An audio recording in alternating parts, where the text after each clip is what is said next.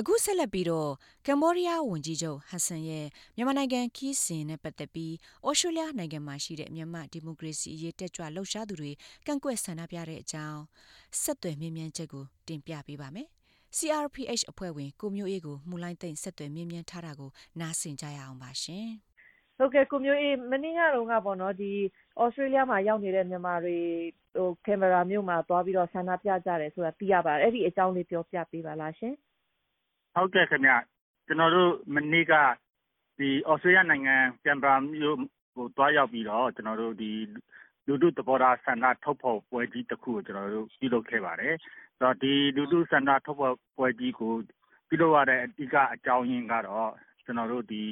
မြန်မာပြည်မှာ လက်ရှိဖြစ်နေတဲ့ အခြေအနေရယ် နောက်ပြီးလို့ရှိလို့ရှိရင် ဒီ ပြည်သူ့အချုပ်အခြာအာဏာကို မတရားသိမ်းပိုက်ထားတဲ့ စစ်ကောင်စီ မင်းအောင်လှိုင်ဦးဆောင်တဲ့ အကြမ်းဖက်အုပ်စု ကို ကျနော်တို့အနေနဲ့ ဆန့်ကျင်တယ်ဆိုတဲ့ သဘောထားရယ် နောက် ကျနော်တို့ ဒီကမ်ဘာမြို့မှာ အခြေစိုက်တဲ့ မြန်မာသံရုံး ကျနော်တို့ကတော့ အခုကျနော်တို့သတ်မှတ်တာကတော့ ဒါဟာ ပြည်သူလူထုကို ကိုယ်စားမပြုတဲ့ စကစရဲ့ သံရုံးလို့ပဲ ကျနော်တို့အနေနဲ့ သတ်မှတ်တယ်။ဒီသဘောထားကို ကျနော်တို့ သွားရောက် ထုတ်ဖော်ခဲ့တယ်။ထို့အတူပဲကျနော်တို့ကမ္ဘောဒီးယား သံရုံးရှေ့ကိုလည်း ကျနော်တို့ သွားရောက်ခဲ့ကြပါတယ်။ကမ္ဘောဒီးယား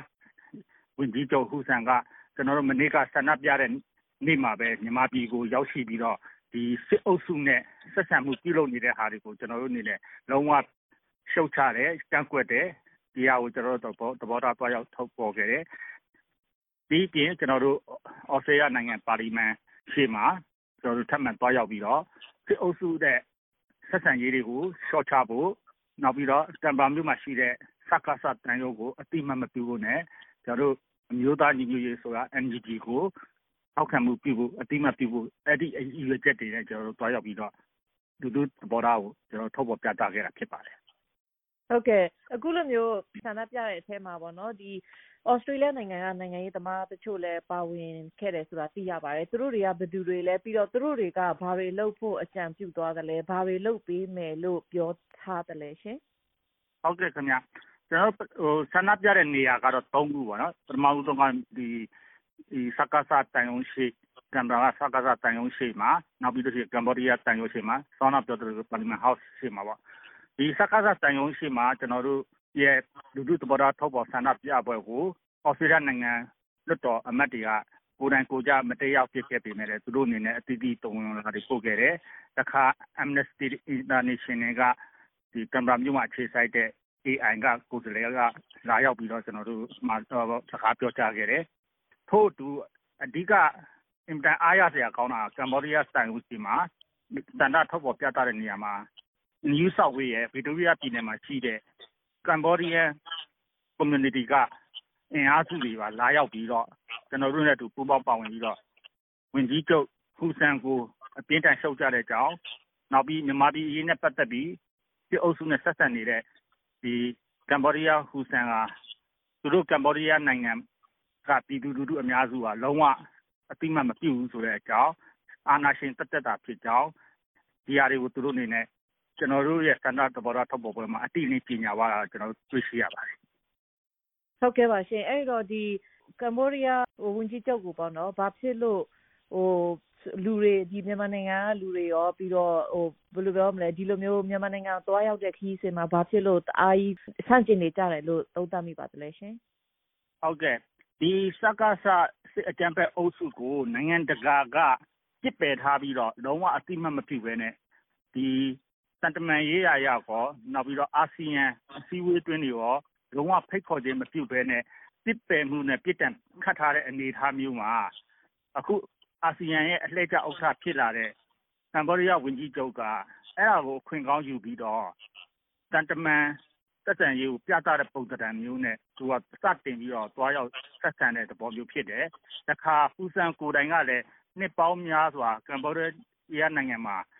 အာဏာရှင်စနစ်ကို ကျင့်သုံးပြီးတော့ အာဏာကို လက်ကိုင်ထား ဆုပ်ကိုင်ထားတဲ့ အာဏာရှင်တယောက်လည်း ဖြစ်တယ်။ပြီးတော့ အာဏာ အာဏာရှင်ချင်း ဆက်ဆံမှုလည်း ဖြစ်သလို ဒီလိုမျိုးလုပ်ရပ်ဟာ ကျနော်တို့ မြန်မာပြည်သူလူထုရဲ့ သဘောထားဆန္ဒကို ဆန့်ကျင်ရာလည်း ရောက်တယ်။တခါ နိုင်ငံတကာနဲ့ အာဆီယံရဲ့အခြားနိုင်ငံတွေက သဘောတူထားတဲ့အချက်အလက်တွေကိုလည်း သူကိုယ်တိုင်ကနေပြီးတော့ပြောင်း ချိုးဖောက်တဲ့ဥစ္စာလည်းဖြစ်တယ်။ဒီအတွက်ကြောင့်မို့ ကျနော်တို့ မြန်မာပြည်သူလူထု ပြည်တွင်းကရော ပြည်ပမှာရှိကြတဲ့ ကျွန်တော်မြန်မာအင်အားစုတွေ အကုန်လုံးကနေပြီးတော့ ဒီအပေါ်မှာ ကျွန်တော်တို့အနေနဲ့ လုံးဝစန့်ကျင်တယ် ကျွန်တော်တို့ အပြင်းထန် ရှုတ်ကြတယ်ဆိုတဲ့ဒါကြောင့်မလို့ ကျွန်တော်တို့ ဟူဆန်ကိုကျွန်တော်တို့ဒီလိုမျိုးစတန်ဒတ်ပိုက်ကြတာခြင်း ဖြစ်ပါတယ် ဟုတ်ကဲ့ပါရှင်ဒီဩစတြေးလျနိုင်ငံ အစိုးရကိုလည်း စစ်ကောင်စီနဲ့ဆက်ဆံရေးတွေမလုပ်ဖို့ပြီးတော့ NUG ကိုအတိမပြုထောက်ခံဖို့ဆိုပြီးတောင်းဆိုထားတာဆိုတာသိရပါတယ်အဲ့ဒီအပေါ်မှာကောတုတ်ပြန်ချက်တွေရပြီလားရှင်ဟုတ်ကဲ့ခင်ဗျ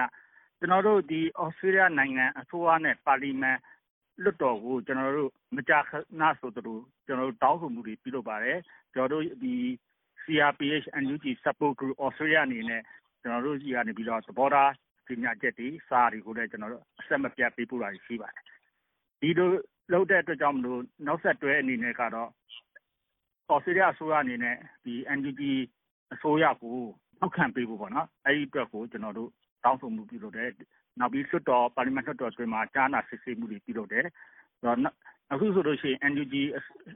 အစိုးရအဖွဲ့ဝင်အချို့နဲ့ဒီဩစတြေးလျအချို့အစိုးရအဖွဲ့ဝင်အချို့တို့ဒီအလွတ်တဘောပေါ့နော်တွစ်ဆုံဆွေးနွေးမှုတွေပြုလုပ်လာတဲ့အနေအထားကိုတွေ့ရှိရပါတယ်ဟုတ်ကဲ့ပါရှင်ဟို ကိုမျိုးအေးအခုလိုမျိုးဖြေချပေးတဲ့အတွက်ကျေးဇူးတင်ပါတယ်ရှင်